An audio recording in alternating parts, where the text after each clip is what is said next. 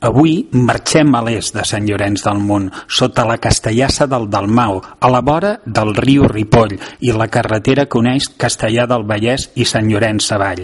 Avui fem el programa Avui fem Això és la Mola a l'històric Mas de l'Illa.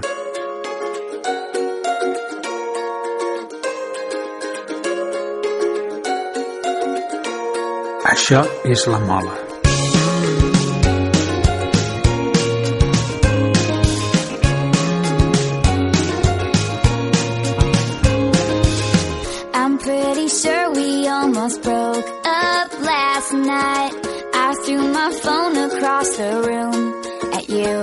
Quan va venir el meu avi, aquí, el pare del meu pare, Ramon Torres, van estrenar aquesta carretera, que el meu avi vivia a la Vall d'Horta, una casa de pagès que es deia Pregona.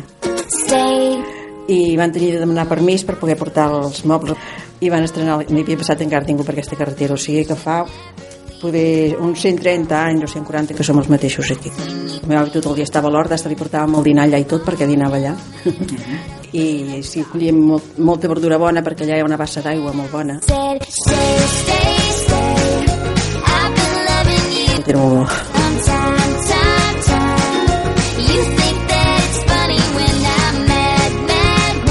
mare del meu pare es deia Teresa i deien a la meva iaia la Tereseta de l'illa que es deia Teresa Oliver Soler. Aquests que parlem ara els besavis tenien sis fills i es van casar quatre germans amb quatre germanes. O sigui, dos nois amb dues noies i dues noies de l'altre cantó amb dos nois. I, i la, la majoria de la, dels parents meus es deien Torres Oliver o Oliver Torres. I've el meu pare, Miquel Torres. Torres però no amb B, amb A, Torres, Torres. A l'hivern aquí teníem molta feina perquè esclar colls tomàquets, mongetes i de tot. I aquí a les arenes hi havia moltes torres, gent que venien a passar l'estiu i ens compraven tot el, tota la verdura. Però l'hivern era molt llarg i a l'hivern es dedicava més aviat a la llenya ara només mm, ho compraven els amos del bosc aquest i feien uns feixos que en deien costals i ho venien als forners de Sabadell el meu pare és casat amb una, lle amb una lleixà la Carme Lleixà Galvi que ens, eren fills de Tivenys. Carboner autèntic era pare de la meva mare Jo vaig néixer el 5 del 4 del 40. Es veu que era un any que també era bastant fred perquè sentia dir que quan jo vaig néixer hi havia neu a la mola. stay. Doncs jo de petita, sí, 4 anys, ja vam anar al col·legi de Sant Feliu del Racó. I anàvem a peu, d'aquí a Sant Feliu, que hi ha vora 4 quilòmetres, anar i tornar. Al vespre ens esperàvem allà baix a Torell perquè pujaven els carros, que a Sant Llorenç hi havia molta gent que també portava llenya a Sabadell, als forners. Stay, stay, stay, stay, stay, stay. I com que era molt llarg el camí, aquesta gent es pujaven amb el carro fins aquí. You think that it's funny when I'm mad, mad, mad. Jo, el que m'ha agradat més de tot ha sigut la muntanya.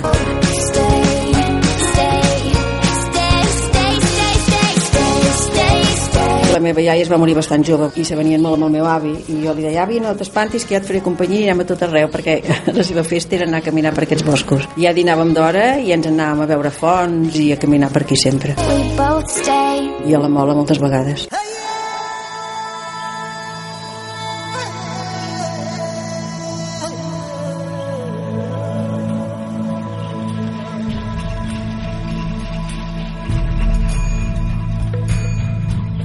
Això és la Mola.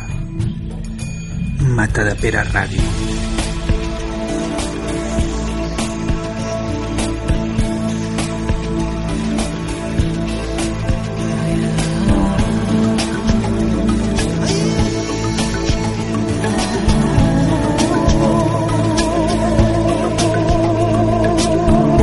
Maria Teresa Torres, coneguda com la Teresa de l'Illa, és una de les poques persones veritablement nadives de Sant Llorenç del Munt.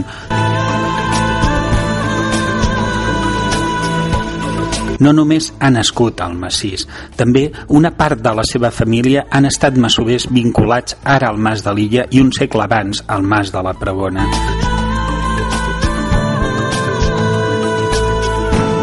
I l'altra part de la seva família han estat carboners.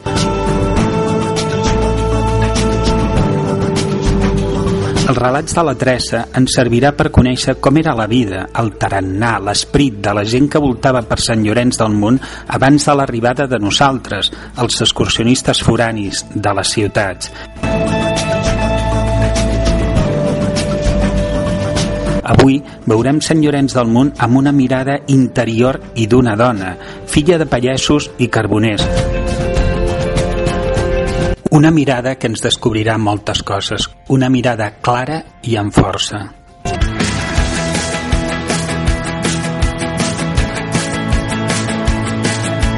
Teresa, quines són les fonts a les que anaves amb el teu avi?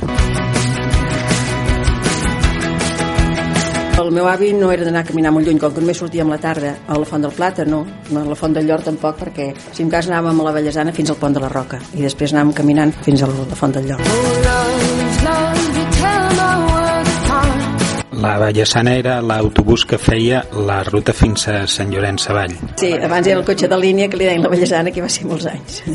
Que me'n recordo quan era petita, que la gent anaven a sobre, al sostre, agafats a les branes, com que no hi cabien a dintre de tanta gent que anaven, anaven a dalt de tot, i, fe, i cantaven, els excurs... tots eren excursionistes els que anaven a dalt.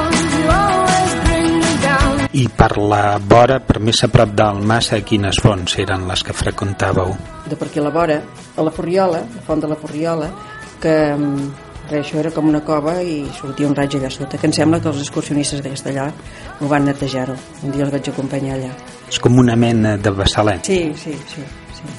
I la font de Neda, això és sobre la vessata del Dalmau, i per aquí font del Cascavell, però aquesta només raja quan plou molt, la font del Fullola, que li van posar el nom d'un d'un d'aquí que venia a passar l'estiu aquí, que tenia una torre, que era un joier de Sabadell. Sí, es deia Fullola, aquest joier. Sí, es deia Fullola.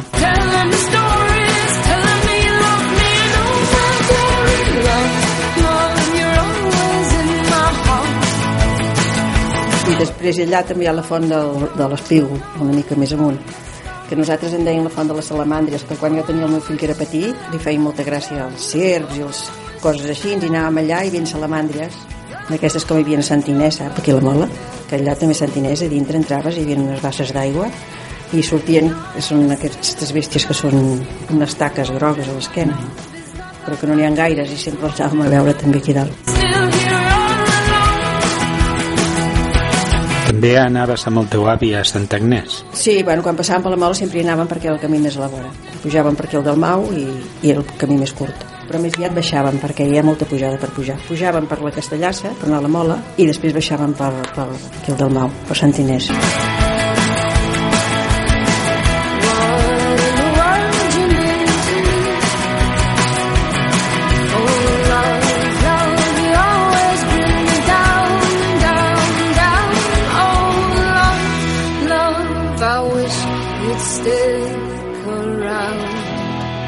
Ja que parlem de fonts, la, la font del Carme, que és una de les més conegudes de les que està per aquí a la vora, es diu així per la teva mare, que es deia Carme, la Carmeta de l'Illa. Per la meva mare, sí, sí, sí. Eh, saps qui va fer la font del Carme? La Font del Carme, eh, aquí nosaltres, com que hi ha moltes habitacions, venien un matrimoni de Sabadell, una gent gran que no tenien fills, i, i, i estaven aquí en una habitació a passar l'estiu i venien algun cap de setmana a l'hivern. I aquest home també era joier, aquest home estava retirat. I ella rejava aigua, també hi havia una mica de font, però allò era un vessal, sap? I va dir, mira, faré una font, la seva filla es deia Carme. Ell va dir que l'havia fet honor de la meva mare, però també la seva filla també es deia Carme. Van, van adoptar una noia gran ja i bueno, va, ens, vam fer, ens vam fer perquè també l'ajudàvem uns tips de pujar bosses de ciment i totxos i coses per fer-la i la va fer ella. Eh, Tu també vas ajudar a fer la font. Sí, sí, sí. Aquest joier que va fer la font del Carme havia viscut alguna de les cases de les Arenes? Del, no, del Daví, no, que les Arenes no havia estat uh, més amunt del Dalmau, sap que hi ha una casa de pagès que es diu el Daví? Doncs allà havia estat. També tenia una habitació llogada i sap què passa? Que um, aquestes cases que es queden tan soles també et trobes una mica solitari i aquesta gent els coneixíem i eren bona gent i miri, també t'agradava perquè tenies companyia i venien, els, venien com, de moment com que no tenien fills venien a celebrar-ho tot aquí a Nadal, a Cap d'Any, festes així sempre venien aquí Era un matrimoni jove. Bueno, primer quan van començar a venir podia tenien 50 anys. Van estar uns 10 anys o així, després van, ja es van fer grans i no van venir. Recordes com es diu el joier? Sí, Joan Vergés Homet. Joan Vergés Homet, ell era el, el seu pare em sembla que era de Castellà. Veu trigar tots plegats molt en fer la Font del Carme. Sí, bastant, bastant. Bueno, com que ho anàvem fent de mica en mica, però el va fer un estiu, que feia una calor que per pujar material per allà. I te'n recordes l'any en la que veu estar treballant per fer la Font del Carme? Jo llavors tenia, sí, tinc hasta algun retrato d'allà, i jo tenia 14 anys, i ara en tinc 73. O sigui, l'any 54. Sí. Don't wanna see the stars.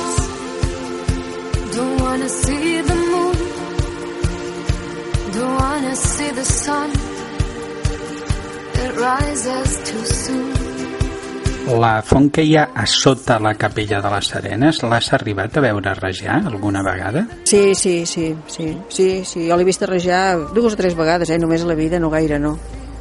Però quan raja, raja molt, eh? Rajava molt, sí.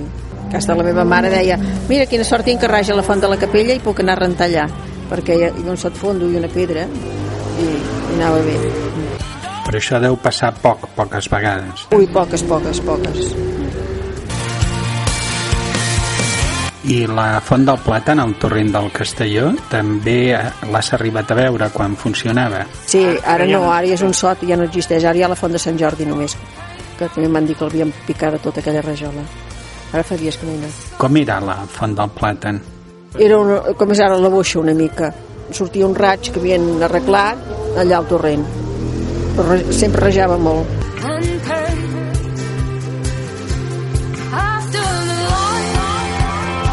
I el vostre mas, el mas de l'Illa, eh, d'on es subministra l'aigua?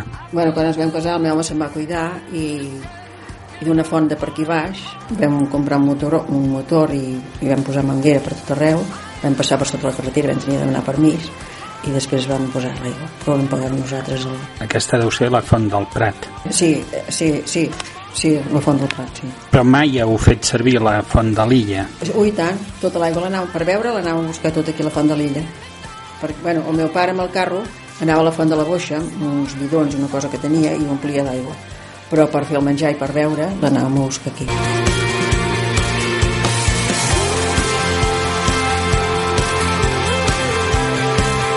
Per què us estimàveu més l'aigua de la Font de l'Illa que l'aigua de la Font de la Boixa? Sí, bueno, aquesta l'acabava de sortir de la font i, i te la bevies de gust, i aquella amb uns bidons la portava, i ja no era tant, no sé. Ah, que aquí l'omplien amb cant. Sí, sí, amb cantis i amb, i amb garrafes de un plàstic encara no hi era, garrafes de vidre. Sí. I jo quasi cada dia, bueno, mentre anàvem al col·legi no, perquè sap i diumenge a mi o el meu germà sempre feien a buscar aigua. I llavors si era l'estiu de pas ens banyàvem aquí aquests gors, que un gos molt maco aquí darrere, ens banyàvem allà.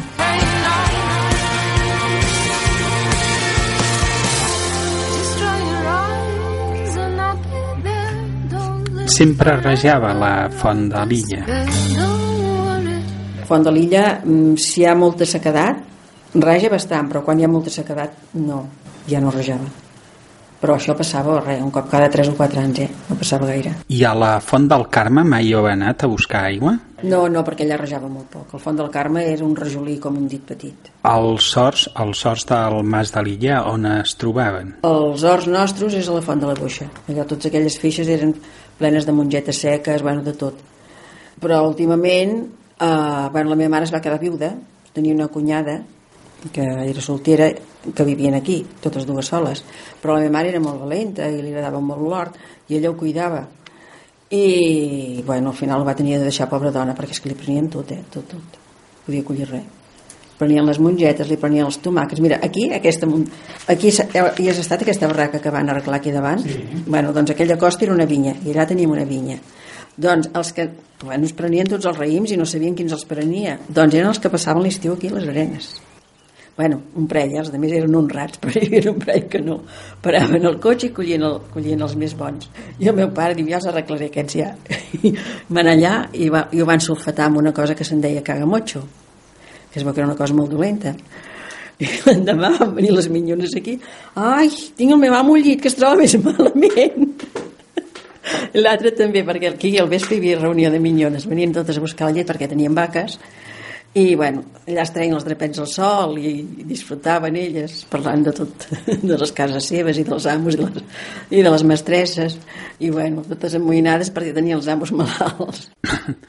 Els hi van acabar explicant la veritat de tot el que havia passat. sí, sí, sí, sí els va dir que no, ho, havíem, ho havíem ensulfatat pels bitxos i que els hi va passar això, però no va ser pels bitxos, va ser per ell. Quina història. Eh, eh, Teresa, la barraca de la cara parlaves, eh, es coneix amb el teu nom, oi? Sí, m'hi va posar el meu nom, dic, bueno, és igual. Sé què passa que amb, amb aquest, amb el Joan Roure, jo era molt amiga íntima de la seva germana, que és morta, i amb ell de joves havíem ballat molt també perquè a Castellà abans feien ball i cada festa anàvem a ballar de joves. I és molt bon xicot. I, i mira, em va dir això dic, va, posa-li el nom que vulguis. Mira, jo tinc la barraca i la meva mare té la font. Tot queda a casa. Pujaven fins molt amunt d'aquella carena les vinyes que cuidava el teu pare. fins a la barraca fins a la barraca. Allà el meu avi també quan tenia de perquè abans treien fulles dels ceps i treien uns brots perquè els ceps pugessin més bé o, o en sulfatals o el que sigui i a la meva iaia al migdia li feia el dinar aquí i li portava i dinava allà sempre, allà dintre la barraca. Llavors ben dinat s'estirava dintre la barraca no feia calor. O si es posava a ploure els, els hi servia per xuplugar-se. I la barraca qui la va fer? El teu pare, el teu avi... no, no, no, aquestes barraques són de més enrere no sé qui les va fer. No, són de molts anys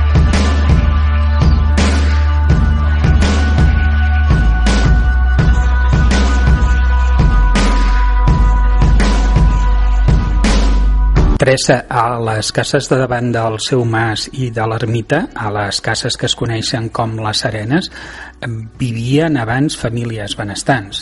Mm, figurar més el sol que la, més el sol que l'ombra perquè llavors era això de parentar i figurar i sí i les minyores eren d'aquí també eh? no, no venien d'Andalusia llavors perquè aquí ja n'hi havia que no tenien feina alguna de l'Aragó venia de Lleida més aviat de Lleida baixaven molt moltes de Lleida havien vingut per aquí Una de les famílies que vivia a les cases de les Arenes era la Samaranc, però no tenia res a veure amb la del president del COI.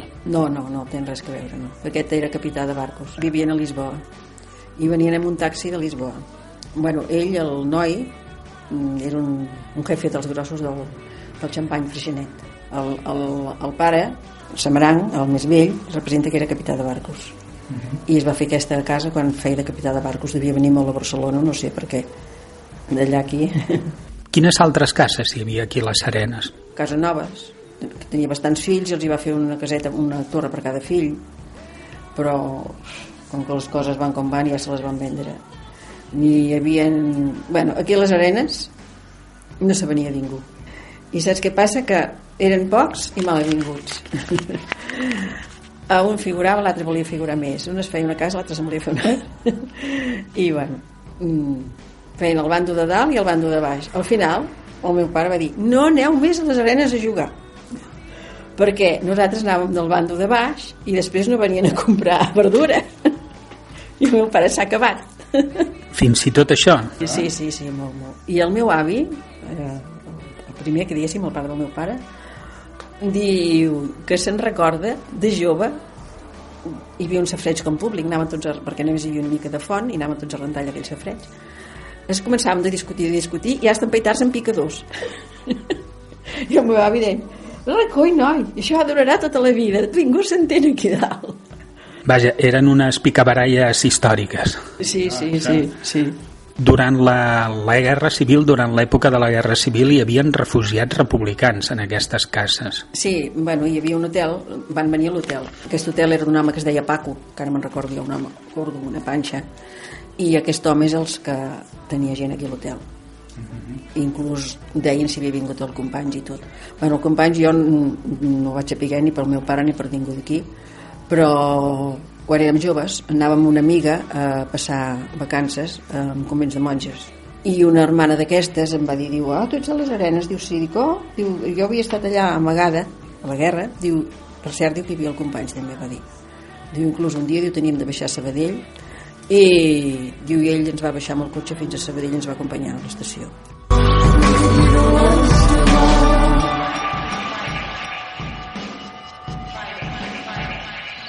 Però sí, el seu pare mai no li havia dit res de Lluís Companys. El meu pare l'havia vist, perquè després jo li vaig, quan vaig arribar aquí li vaig explicar això d'aquesta monja. O sigui, què passa? Que abans, eh, segons quines coses, els pares no te les explicaven també, perquè tenien por de... com que passaven coses així estranyes i després el meu pare va dir sí, sí, jo havia anat allà i jo havia vist jugar a cartes que jugaven a cartes allà a l'hotel algunes d'aquestes cases, però, eren molt antigues, igual que el Mas de l'Illa. L'única cosa que abans mmm, una casa era com de pagès, aquesta que diem a Cal Casanovas, en deien a Cal Barceló. I tenien horts i, i per guanyar-se més bé la vida tenien gent a casa seva com una mica d'hotel.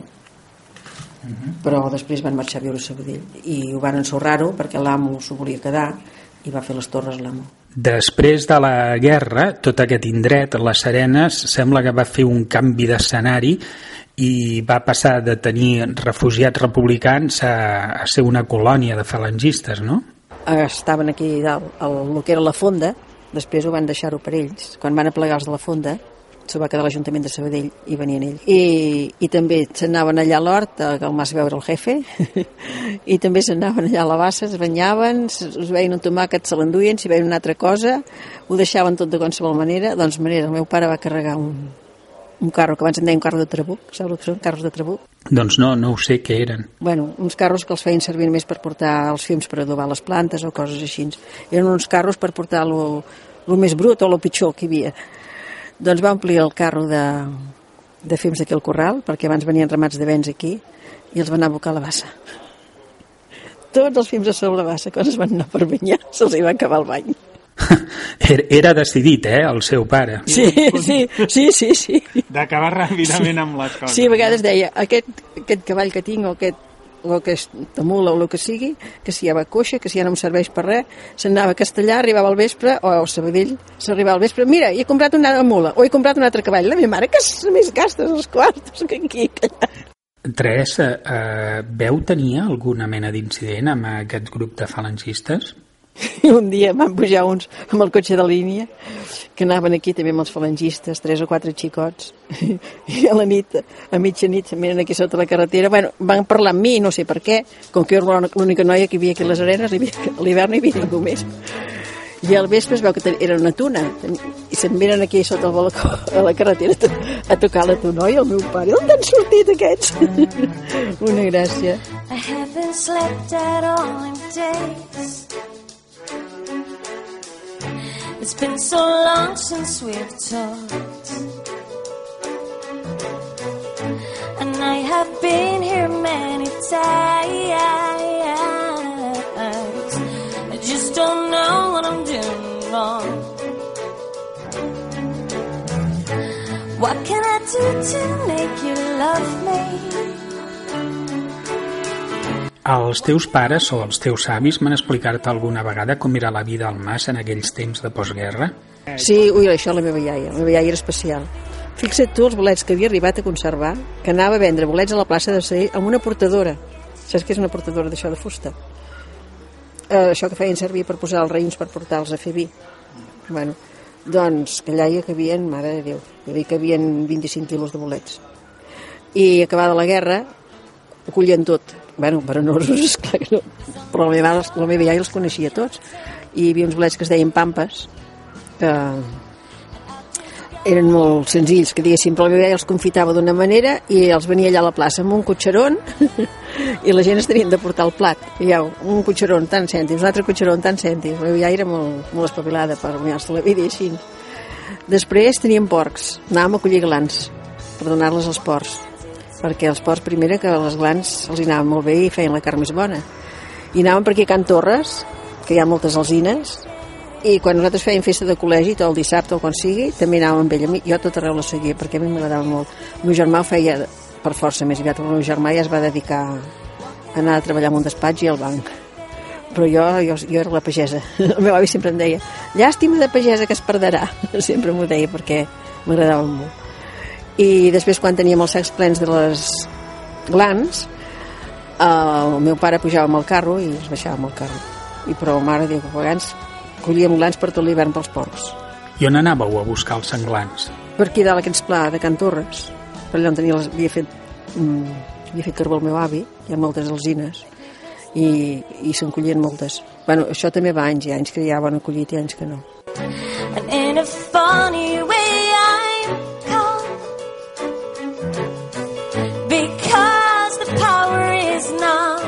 També teníeu vaques. Sí, teníem dues o tres vaques aquí, a aquesta cort. La meva mare les munyia.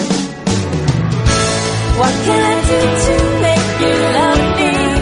To make you love me i enviàvem la llet a a Sabadell amb la Vallesana mm, bueno, el tocar aquest eh, els hi deixàvem els pots i el cobrador arribava a Sabadell i hi havia un que li esperava els pots de la llet perquè esclar a l'hivern aquí no teníem ningú per vendre la llet després també criàvem les vaques tenien vedells, una vegada me'n recordo que vam tenir un vedell i cap d'una estona el meu pare esbrat diu veniu a ajudar que em surt una altra i van sortir dos vedells més macos Llavors la meva mare els cuidava, els donava primer llet de la seva mare i després pins o el que sigui, i després quan se'ls venia el meu pare, la meva mare plorava. sempre, sempre la mateixa història. A vegades el meu pare deia, podríem guardar un bé, un xai i després matar-lo i menjar-nos a la, meva, a la brasa. I ella, sí, perquè em faci sentit de plorar. sempre. Agafava carinyo a les bèsties i després tenia ganes de plorar. I alhora què és el que conreuaven el teu avi i el teu pare? mongetes i patata i tomàquets perquè els tomàquets feien uns tomàquets d'aquests de color de rosa uns tomàquets boníssims llavors no, quan jo era més jove la gent no prenien tant però més cap aquí sí, llavors ens ho prenien molt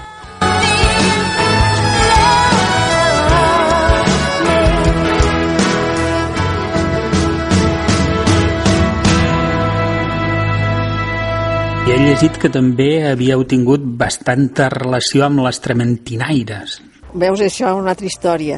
Um, jo me'n recordo de les aquestes dones que venen herbes que baixaven de Gósol trementinaires. Les trementinaires. Feien, baixaven de peu de Gósol amb uns cabassos i uns mocadors de farcell d'herbes que les venien a vendre aquí. I llavors moltes es van casar per aquí a Castellà eh, per aquí moltes es van quedar per aquí. I bueno, venien aquí i es quedaven a dormir. Que elles ja tenien totes les cases de pagès destinades que es quedaven a dormir. Perquè abans, mira, es quedaven amb una pallissa amb un sac, es tapaven o el que sigui, aquesta gent així. I me'n recordo el vespre que estàvem aquí a lavar el foc a vegades i pensava aquesta dona quina pudor de suor que fa. Perquè és clar, baixar allà dalt carregades pobres oh. Qui comprava aquestes serves que venien aquestes senyores? eh, no, anaven a Castellà i bueno, abans hi havia cases, no ho sé. No sé, devien ser botigues o, o el que sigui. I com que moltes coses les curaven amb herbes no venien tot. Com, com és que algunes trementinaires es quedaven a dormir aquí al mas? perquè abans les cases de pagès eren una mica de tothom. Pels pastors, gent que treballaven al bosc i els posaven en una pallissa a dormir, com per exemple el corral però jo quan venien aquí la meva mare com que era tan treballadora on han de dormir pobra gent i els hi arreglava un llit allà on sigués. I tots els ficava per aquí, aquí hi havia una pallissa o la sala amb màrfegues de pallofes de blat de moro. Saps les espigues de blat de moro? feien aquelles pallofes. Doncs feien un, com un matalàs fet de pallofes i dormien allà. Fins un dia que el meu pare es va cansar i va dir jo estic aquí rellogat, tanta gent aquí. Uns que treballaven al bosc una gràcia perquè explicaven, cada un explicava les seves històries a la, al foc hi havia un que li deien el Joan Gros que era fill de, de Camprodon em sembla i un altre d'Hostal Ric. Jo com vaig tenir de marxar de casa per la culpa de l'hereu perquè l'hereu em va fer fora. I ja t'explicaven totes les coses. Un que tenia una germana que cantava al Liceu i ell tenia una bona veu també, tocava l'acordion perquè aquí sempre teníem un acordion també. I tota aquesta gent sabien tocar l'acordion i els vespres tocava l'acordion i cantava. No, no era, la gent es pensa que avorrit i que trist jo no era, eh? ni de avorrit ni de trist tenies les teves, no sé, feies les teves festes de les teves coses i també t'ho passaves bé Coi, però com era que tenia un acordeó aquí al mas? teníem una caixa d'aquestes antigues i jo sempre havia vist un acordió allà dintre i mira, el que venia i sabia tocar l'acordió la tocava I el teu pare també sabia tocar aquest acordeó? no, no, el meu pare no, no era tan fi Ah, sí? La, la teva mare li agradava molt acollir a tothom. Sí, massa de bona fe era. Ma, ets una burra, ets massa de bona fe. Tothom et fumarà. Això li sentia dir sempre. I el mas es deuria convertir en una mena de pensió, no? I la, la gent, Teresa, la gent que venia havia de pagar alguna quantitat. No, no, no, no, no, no, no representa que treballaven al bosc d'aquí, doncs ja tenien dret a venir. Els pastors seguien les herbes d'aquí, doncs ja tenien dret a venir. I aquestes trementinaires, no sé, perquè els coneixien amb la meva iaia o jo que sé, però cada, cada, cada any quan baixaven venien, una o dues només. I de pastors s'acollíeu a molts? De pastors, no, també un o dos, sí, Mm, sí, però aquí el corral sempre estava ple de vents, però s'ho canviaven, baixaven de Castellà de Nuc, tots els pastors eren de Castellà de Nuc, ja tenien, tot el camí tenien les seves cases, i allà on estaven més temps era el castell de Sant Manat, que el castell de Sant Manat també hi havia una vivenda, i és allà on es quedaven més temps. Uh -huh. Però venien aquí, aquí s'ho partien entre aquí i el Sabater Vell. Des, bueno, després aquests pastors deurien pujar cap a Cadafal, no? perquè cap aquí no hi havia el camí ramader, el camí ramader anava cap allà, no? cap a Cadafal. Sí, per Cadafau, Cadafau també s'hi quedaven. Eh, quan venien aquí venien de Cadafau. Ve, ve parar Cadafau, el camí ramader. Eh, Cadafau baixaven per aquí la font del Plàtano i cap aquí. Uh -huh. Every time the rain comes down Close my eyes and listen Teresa, la teva mare coneguda com la Carme de l'Illa, va ser testimoni protagonista de tota una etapa de Sant Llorenç del Munt. Va arribar amb el seu pare des de Tivenys per fer de carboners, es va casar amb el teu pare, que era massover, i va ser una de les últimes dones de la pagesia d'aquesta contrada. Què t'explicava la teva mare de la seva arribada al Mas de l'Inya? no massa bé. No, Mira, la meva mare la primera vegada que va passar per aquesta carretera, que em sembla que anaven a peu, poder van anar a l'ermita, no sé, i diu que va mirar aquí dalt i va dir, oh, quina casa més vella, quina por faria estar aquí, que, que, que, que aquesta gent se'ls ensorrarà aquesta casa i es quedaran colgats. Això és el primer que va pensar. Quan va entrar aquí, que ara es fan aquests viatges de nuvis, i ma mare era molt neta, ui. Aquí no hi hauria ni un herba ni hi hauria res, bueno, perquè tot el dia fregava i netejava que el meu pare es queixava que li deia a l'hort has d'anar més i no, que això no et dona res i el primer dia que van aquí va voler netejar no sé què de dalt i se li va ensorrar un fusta de sota i es va quedar ferida com aquell qui diu i havia treballat molt ell, havia treballat molt aquí el meu pare sí era bon home però se venien i no se venien, no sé com dir-li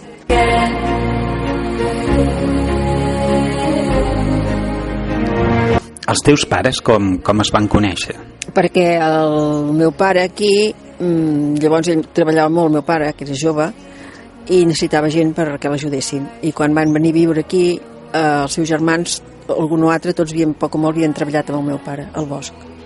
I, és clar, el, tractar amb els seus germans, el meu pare anava molt a Sant Feliu, un puesto que en diuen el centro, centro feliuense, en deien abans, i, i allà hi anava tothom feia ball cada setmana i, i allà anava tots els juvenis i allà el va conèixer amb la meva mare perquè eh, la teva mare quants anys tenia quan va venir cap a Sant Llorenç?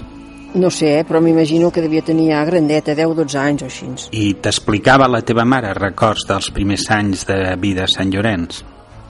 Sí, bueno, a meva mare li agradava molt el, el bosc i ja et dic que era molt valenta i amb el seu, treballava igual que un home, amb els seus germans serraven arbres, eh, vegades per aquí amb la llenya, va, vine a ajudar a serrar. I jo em veia negre perquè volia que fes el mateix que ell, que això no agafes la serra bé que no sé què, que no sé quantos. El meu pare més sempre estava delicat per la guerra allò que deien que es havien la gent tocant dels pulmons, no sé què. I més aviat estava delicat i, i ella representa que era la valenta de la casa En, el, en algun moment la teva mare et va dir que considerava que la seva vida de jove amb els carboners havia estat molt dura? No, avui ella tot, tot, tot s'ho passava bé, tot s'ho passava bé, sí. I amb els altres carboners que hi havia es feien amics i llavors amb aquest el, el Barata, que és aquell que van matar per la guerra, l'avi, uh, ell anava amb un borret i els ajudava a portar llenya i a portar coses i li va dir Carme no estolvis el, la palla ni estolvis el menjar del burro ni res, ves, vine a casa allà al corral. Bueno, que hi ha de tot i agafa tot el que vulguis. I vull dir amb tothom es feia, tenia molt bon caràcter la meva mare amb tothom, amb tothom es feia molt bé molt bé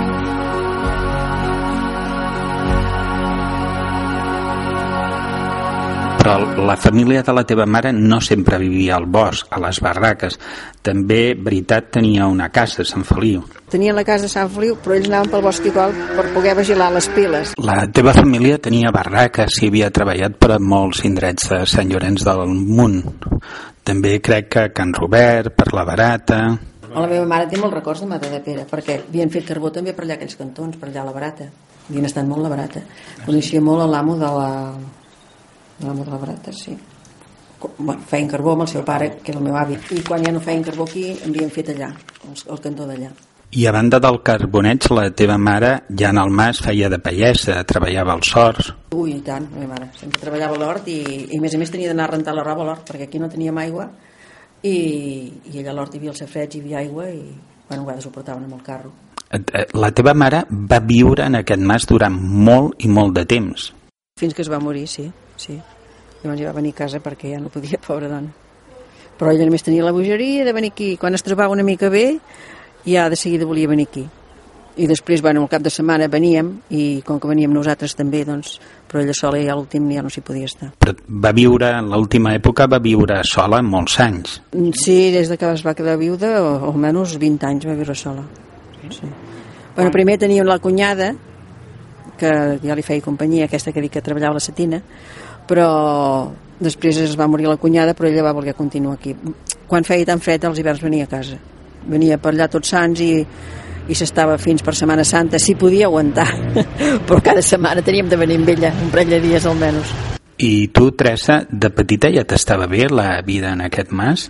de petita vaig passar una mica de por perquè tothom, ai que ens entraran els maquis llavors el temps dels maquis perquè anaven a alguna casa i se la carregaven llavors però aquí venia la Guàrdia Civil a fer guàrdia al vespre aquí al pati i posaven, fixi si tenien por posaven un carro encastat a cada porta aquesta porta d'aquí posaven un carro darrere l'altra porta un carro perquè així no pogués entrar ningú per no tenir tanta por feien això Sí, els guàrdies, diguem-ne, eren els primers en tenir por, però mai us van entrar aquí, als maquis. A vegades buscant bolets, que llavors era molt petita, jo que era acabada la guerra, però jo quatre, quatre anys ja anava a buscar bolets. Havíem trobat, me'n recordo una vegada aquí, a sobre més amunt de la Font del Carme, un home, pobre home, que estava com desorientat, un home gran, i, i feia foc, i amb una llaunota que es veu que havia trobat per fora, s'estava coent bolets. Jo pensava que aquest pobre home podia estar per aquí amagat o el que sigui, i, i, i s'alimentava amb bolets i coses del bosc, però i després tinc uns, uns veïns d'aquí a les arenes que mm, també s'anaven a buscar bolets perquè esclar llavors els bolets era menjar que va la guerra i tothom en collia de bolets i mentre estaven van fer un carn a la brasa botifarra i, i els, els bolets a la brasa i quan es posen a menjar els hi surten 4 o 5 que eren els maquis amb una escopeta, una pistola, no sé què i els hi van dir no us farem res, ens heu de donar tot el menjar perquè estem morts de gana i els hi van prendre el menjar i, i van marxar i ja està això va passar a la carena de l'ermita. Sap a l'ermita? Amunt, amunt, un camí amunt, hi ha unes roques que se'n diu la carena de l'ermita, que té molta vista, doncs allà. Perquè deien que aquesta gent, els maquis que estaven amagats per aquí a la mola, sortien allà a aquelles roques i així ens veien les carre la carretera i o si pujava la Guàrdia Civil o alguna cosa. I en tota aquella època el mas mai no va quedar afectat per, per alguna mena d'incident? El teu avi o el teu pare no van viure cap acció violenta en aquells temps? Sí que van, el meu avi es veu que va agafar el carro i, i la mula i s'anava cap a Terrassa. I quan va ser allà mm, un pont que hi ha, no sé quin pont era, deu ser aquell pont que hi ha de passat Can Riera, un pont que hi ha allà molt gros, i el, el havien volat, el havien tirat a terra. I llavors es va quedar que no va poder passar. Doncs allà es veu que hi havia uns, que eren els que es havien cuidat de tirar el pont, i ja li van dir que podia marxar i li van prendre tots, li van prendre el carro i la mula. I després, al cap d'uns quants dies, l'avisen de Castellà que tenen la mula. I la pobra mula es veu que es va escapar i algú la va trobar a Castellà i la va conèixer, que era un home de Castellà que li deien de Calvaquer, que també ell, ell tenia també mm, carros i això, i diu, si aquesta mula és de l'illa. I ja de seguida el va avisar que anés cap allà, que tenia la mula. I entra allà a la cort i es veu que em sembla que va tenir d'anar amb, amb la Guàrdia Civil i tot, perquè és clar que no sigui robada o el que sigui, que veiessin que era d'ell. I el meu pare entra i diu, xica, xica! I la mula va fer així i ja te la pots emportar ara Com si mateix. fos un gos, no? Sí, el, el policia o el guàrdia civil que hi havia allà, diu, ara sí, ja te la pots emportar ara mateix. Eh, Teresa, i parlant d'aquella època, saps de llocs on s'amagaven gent durant la guerra o la postguerra? Sí, em sembla que sí, sí. És que hi havia gent amagada per aquí, eh, unes coves sota la Castellassa, cap damunt de... Per exemple, pel Sabater, doncs a baix el torrent, aquell, aquella riera del Sabater, fins a sota la Castellassa, allà hi havia unes coves molt grosses, jo no les he vistes mai. Don't wanna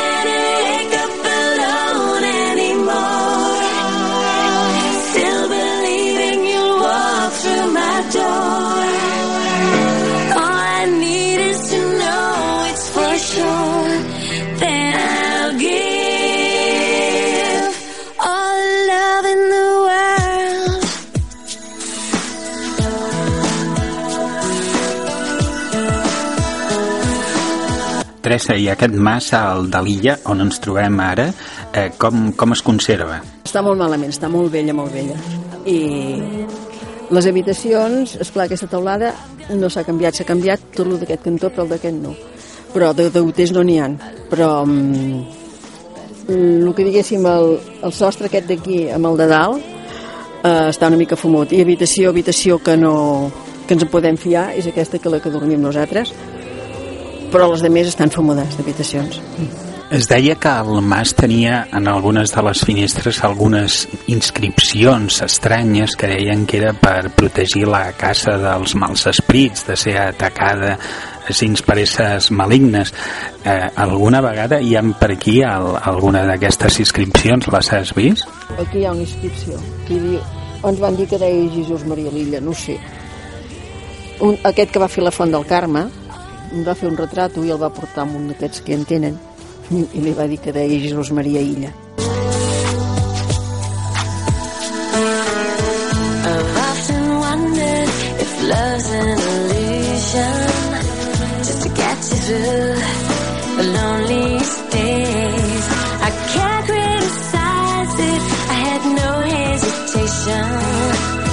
My imagination just told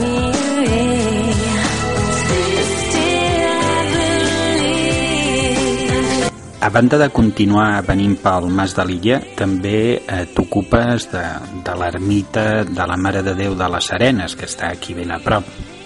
Sí, sí, re- representa que... Bueno, uh, aquesta de la tenda de Sant Feliu, li deien la Margarita de la tenda, perquè tenia tenda a Sant Feliu. I quan ja va deixar l'ermita li sabia molt greu. I un dia la vaig trobar i em va dir ai, ai, senyor, que ja ha tingut ni a netejar, que allò estarà tancat sempre, que, que em sap un greu, no, no te'n vols pas cuidar tu. I jo li vaig dir, dir, mm, dir com m'ho pensaré. I després tenia aquesta cosina castellà, que li agrada molt també anar per fora i ens ha venit molt, que també el seu pare era el germà gran de la meva mare, que eren tres germans, lleixàs. lleixàs. I ella va dir, ah, mira, sí, també ens distrauré, també em distrauré i m'agradarà. Però, és clar, saps què passa? Que el meu home no es vol ficar amb les meves coses. Cada qual fa el seu. I, i en canvi aquesta cosina de castellà té un home que és molt espavilat i a més a més està ficat, es cuidava de la forja del diari de castellà i tot ho sap i és molt espavilat de, per aquestes coses i a més a més és molt així de- d'esglésies i tot això i, i bueno, sort n'hem tingut perquè mm, ell té empenta i doncs han d'anar primer anar a buscar el ciris jo perquè els ciris els comprem a Sant Benat que hi ha una fàbrica de ciris però totes aquestes coses tot se'n cuida el seu i nosaltres només mira, anem allà a netejar una mica i quan vinc, sí, el dia que vinc de la missa o quan s'acosta la festa major, doncs el dia abans vinc a ajudar a netejar o el que sigui. Però els que se'n cuiden ara sempre, sempre són ells dos el meu cosí i el seu home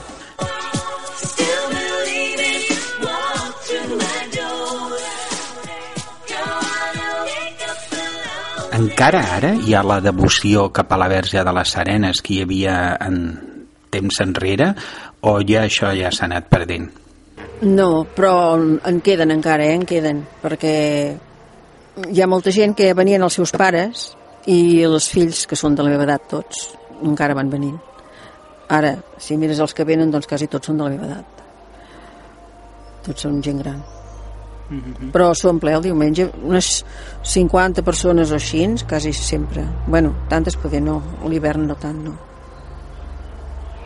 40 poder a l'hivern. L'Església fa diverses celebracions al llarg de l'any i una d'elles crec que és la festa dels excursionistes. Eh, quan es celebra aquesta festa dels excursionistes i en què consisteix? el primer diumenge de juny fan la festa dels excursionistes i representa que la missa la fan doncs, si, pels que s'han mort a la muntanya. I com que n'hi ha més d'un que s'han mort a la muntanya, pobres doncs ve bastanta gent. I després eh, porten aquests excursionistes de Castellà porten un arbre i el plantem allà. I cada any planten un arbre nou. Com és que el Mas de l'Illa ha pogut conservar la propietat de l'ermita de la Mare de Déu de les Arenes? Mm, No, bueno, mm, perquè ells devien tenir documents i a més a més, mm, com que representa que si aquesta ermita hagués sigut tancada, que només hagués sigut pels amos, que no s'hagués pogut acostar ningú més, mm, poder encara haurien guanyat. Però com que cada any hi anàvem a més a més, hi havia una de Sant Feliu, que és la que es cuidava de netejar l'ermita, que tenia la clau de l'ermita i si algú havia fet una, perquè abans feien moltes prometences si algú havia fet una prometença o alguna cosa d'aquestes eh, anaven allà o la telefonaven amb ella i ella els anava a obrir l'ermita i és clar, com que l'ermita representa que no estava tancada només pels amos, que hi anaven tothom que, que volgués hi podia anar doncs per això va guanyar La Mare de Déu de les Arenes sempre ha tret a gent a fer prometences. Bé, de fet, una de les llegendes històriques de Sant Llorenç del Món és la prometença del pastor que suposadament eh, va gosar pujar a la castellassa de Cantorres i una vegada dalt després no va tenir la força per poder baixar, no es va atrevir i va demanar la, a la verge que li ajudés i l'endemà ja es va trobar sota sense, sense haver fet l'esforç. Bé, aquesta és una de les prometences històriques, no? I des de llavors sembla que ha vingut molta gent per aquí a, a repetir-ho, a intentar demanar a la verge que s'acomplís el, el que ells necessitaven. Eh, tu, Teresa, has vist gent que vingués a l'ermita a fer una prometença? i tant, cames de, cames de cera braços de cera, molt, molt, molt sí. Bé, Teresa, i ara ens has d'explicar si coneixes algun cas en què s'hagi complert una de les prometences que, que s'ha fet a la verge. no, no, això sí que no, no. no. els ciris porten ara, porten molts ciris la gent fan prometences i porten ciris jo a vegades dic, diumenge me'n vaig a missa a l'ermita bueno, perquè, esclar, com que me'n cuido, doncs haig de venir cada primer diumenge de mes i em diuen, ai, porti un ciri per mi que el meu fill això, que el, o pels estudis o per aquí o per allà i això ho fan molt la gent perquè si vas a Montserrat igual si vas a Montserrat ja et diuen, ai, posa'm un ciri a la mare de Montserrat També fa segles que els pagesos tenien el costum de venir a l'ermita davant de la verge i segons com anés a l'any a demanar-li que plogués o al contrari, que deixés de ploure. D'aquest tipus de petició sí que recentment s'ha fet alguna i sembla que va tenir bons resultats. Eh, és així, Teresa? Ah, no, no, això el mateix, el mateix rector de Sant Feliu va ser entre nosaltres quan s'acabava la missa, va dir, diu, ara resarem perquè plogui, perquè hi ha molta sequedat i tot. I després l'altra vegada que va venir, mira que ens va, ens va sortir bé que va ploure. Sí, això sí. I venien, ui, abans, hasta gent descalça de Castellà venien per les prometences. Descalços, eh? Perquè eh, tu, Teresa, recorda'ns des de quants tu i la teva cosina us esteu fent càrrec de l'ermita de les Arenes de d'aconseguir que es mantingui, de- d'aconseguir que es facin celebracions, d'aconseguir que això es mantingui en peus. Ah, 20 anys, 23 anys em sembla. I com que ja representa que els avis i ja tots havien vingut per aquí, també et fa gràcia conservar-ho, no sé. I des de sempre mai s'ha aturat això de, de fer missa, de mantenir l'activitat a l'ermita. Sí, bueno, jo de petita només feien missa per la Mare de les Arenes, que és el 8 de setembre, i pel primer diumenge, no, pel primer dilluns de Pasqua. I venien gent bastant, bueno, com ara de Sant Feliu i de Castellà, sinó que abans venien joves i vells i ara tots són de la meva edat. De joves apenes en venen cap. Bueno, jo, mm, jo d'això no me'n recordo perquè jo tenia un any i mig o així, però mm, quan van estrenar la, la, la Mare de Déu que hi ara, me'n recordo, bueno, jo no me'n recordo, Li havien explicat. Sí, i em va ensenyar un retrat que vaig a coll de la meva mare amb una bandereta i bueno, tothom ho celebrava amb professor perquè tenien una mare de Déu ja.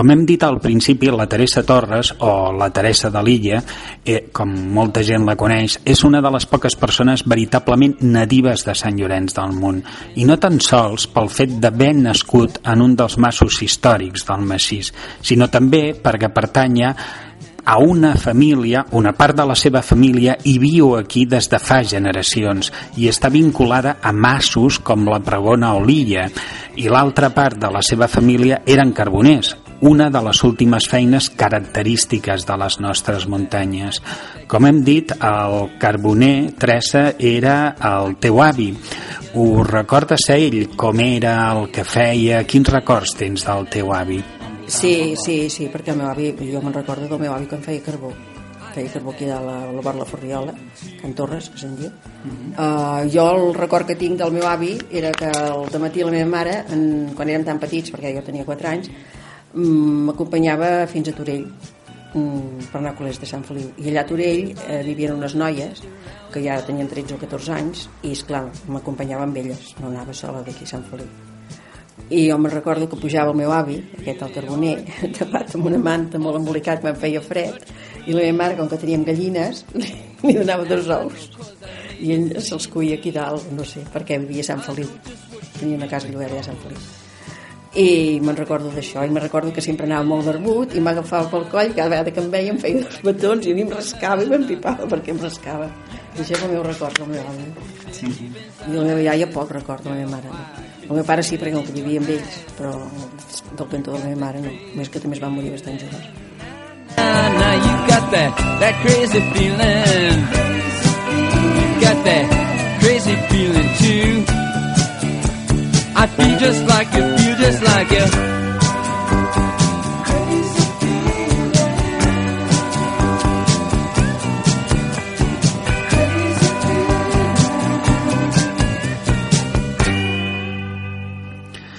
El teu avi va estar treballant fins a l'últim moment. De fet, va agafar una malaltia greu treballant quan estava pel bosc de la castellassa del, del Mau. Va agafar una bronconemònia i va anar a Sant Feliu a casa del Joan uh -huh. que el seu, era el seu fill gran, no era el segon, el mitjà era el segon. I ella es va morir. Que me'n recordo que el amb la meva mare a veure i des de baix el sentíem com respirava dalt, que feia uns, uns pitos, saps?, de que s'ofegava. Uh, Teresa, en aquest indret pels vols del Mas de, de l'Illa hi havia molts carboners o bosqueters com el teu avi que visquessin a barraques enmig del bosc? No gaire, no, per aquí no, per aquí eren els únics. Bueno, tots els que venien venien de la província de Tarragona. Mm, en venien uns, és, és que eren molt amigues, amb mi em vaig fer molt amiga, que encara també hi ha el, el senyal de la Carbonera, aquí dalt un camí que hi ha, mm, i aquests van venir de Benifallet, em sembla. I es van estar molt temps aquí. Després, és clar, primer estàvem en una barraca, pobra gent, i després van poder viure a l'ermita. Els hi van deixar l'ermita, que al costat de l'ermita hi ha una caseta, que és la caseta dels ermitanys, i, i vivien allà i hi havia una noia que era de la meva edat i anàvem a col·legi juntes a Sant Feliu també Eh, això vol dir, pel que estàs dient, que a la caseta de l'ermita de la Mare de Déu de les Serenes hi ha viscut eh, també gent com bosqueters, que no, eren, que no era tan sols un lloc del capellà. Sí, abans hi vivia gent, sempre hi havia viscut gent a la caseta de l'ermita. I aquesta altra família on tenia la seva barraca? Eh, per aquí, per aquí a prop també. Perquè la Carbonera la tenien aquí sobre, abans d'arribar al Sabater, un camí que hi ha aquí dalt. I allà l'ermita, els hi van deixar l'ermita perquè no tinguessin de viure així al bosc perquè tenien tres fills.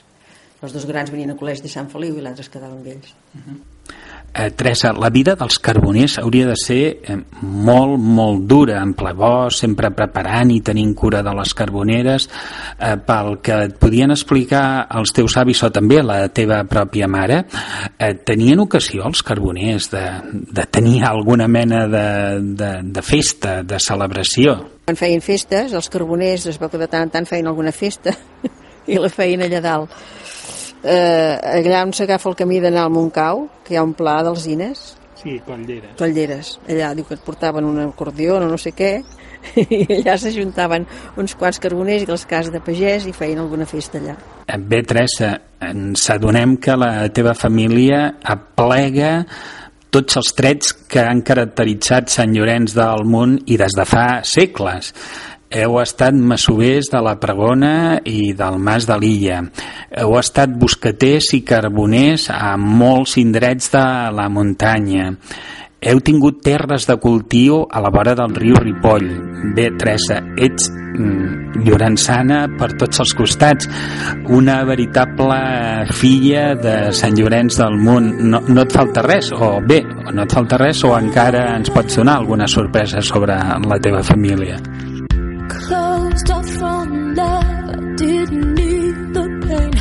Once or twice was enough, and it was all in vain. Time starts to pass before you know it, you're frozen.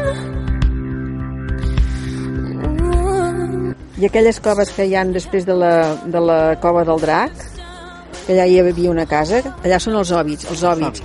Doncs els òbits, llàstima que ara, esclar, el meu tiet ja és mort i no m'ho pot explicar, però jo li sentia dir al meu tiet, que era aquest de Cal Pinató, que un parent nostre, un besavi o un de molt enrere, hi havia viscut allà, que es va casar i van anar a viure allà, els truth.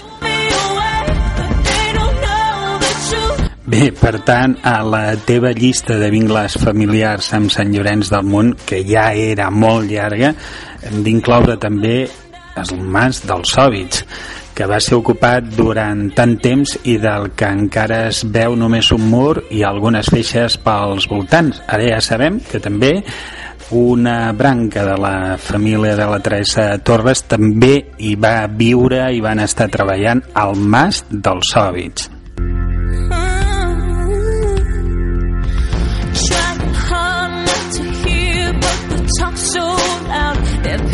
Trying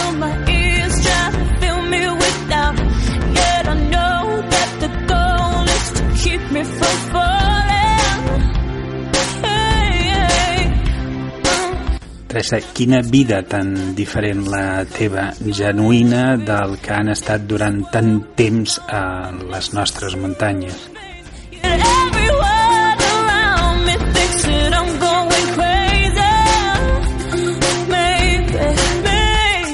Jo que n'en parlen... Jo me'n recordo que les arenes, aquestes mabarriques que venien, que, bueno, jo hi anava molt a jugar amb elles, i, i en, un dia diu, ja eren més grandetes, mm, tu amb qui et voldries ser, eh, semblar quan siguis gran? I tu, i tu, i sonaven dient entre elles, i elles, ui, jo voldria ser com la meva mamà.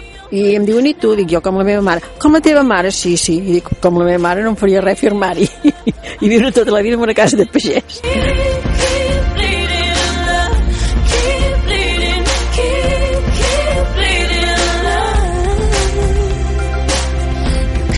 Perquè jo m'ho passava bé i a mi m'agradava. Aquestes noves riques de les cases de les Arenes estranyaven doncs que t'hagi agradat tant la teva vida al Mas de l'Illa. Heu trobat una cosa, perquè em dic que jo tenia... Jo no podia estar bé així, com elles.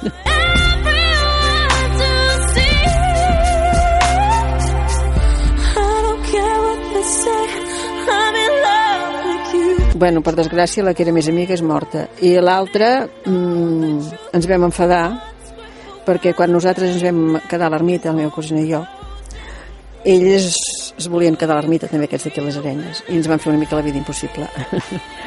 Però em va dir, el primer dia que em va veure, aquesta que era molt amiga meva, em diu, ai, diu, què em va dir?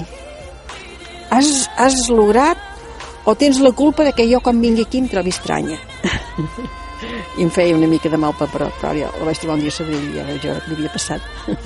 I les que ens feien mal paper ara ens, ens fan bon paper perquè com que veuen que està tot net i ben conservat i més bé que abans doncs ja, ja els... Love.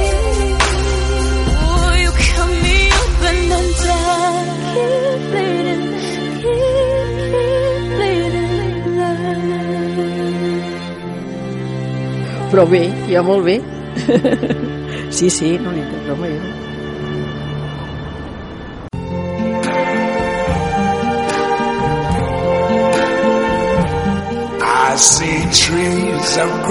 La mirada de la Teresa ens ha mostrat els moments bons i els dolents del mas de l'illa, els seus sorts, la barraca del seu avi pagès, les piles del seu avi carboner, els seus curiosos veïns de les Serenes, els peregrinatges per demanar favors a l'ermita, les fonts del voltant. Amb la Teresa hem conegut com vivia una família genuïna de Sant Llorenç, vinculada a la pregona, a l'illa i fins i tot a l'antic mas dels Hòbits. Avui hem fet una ruta a les essències de Sant Llorenç.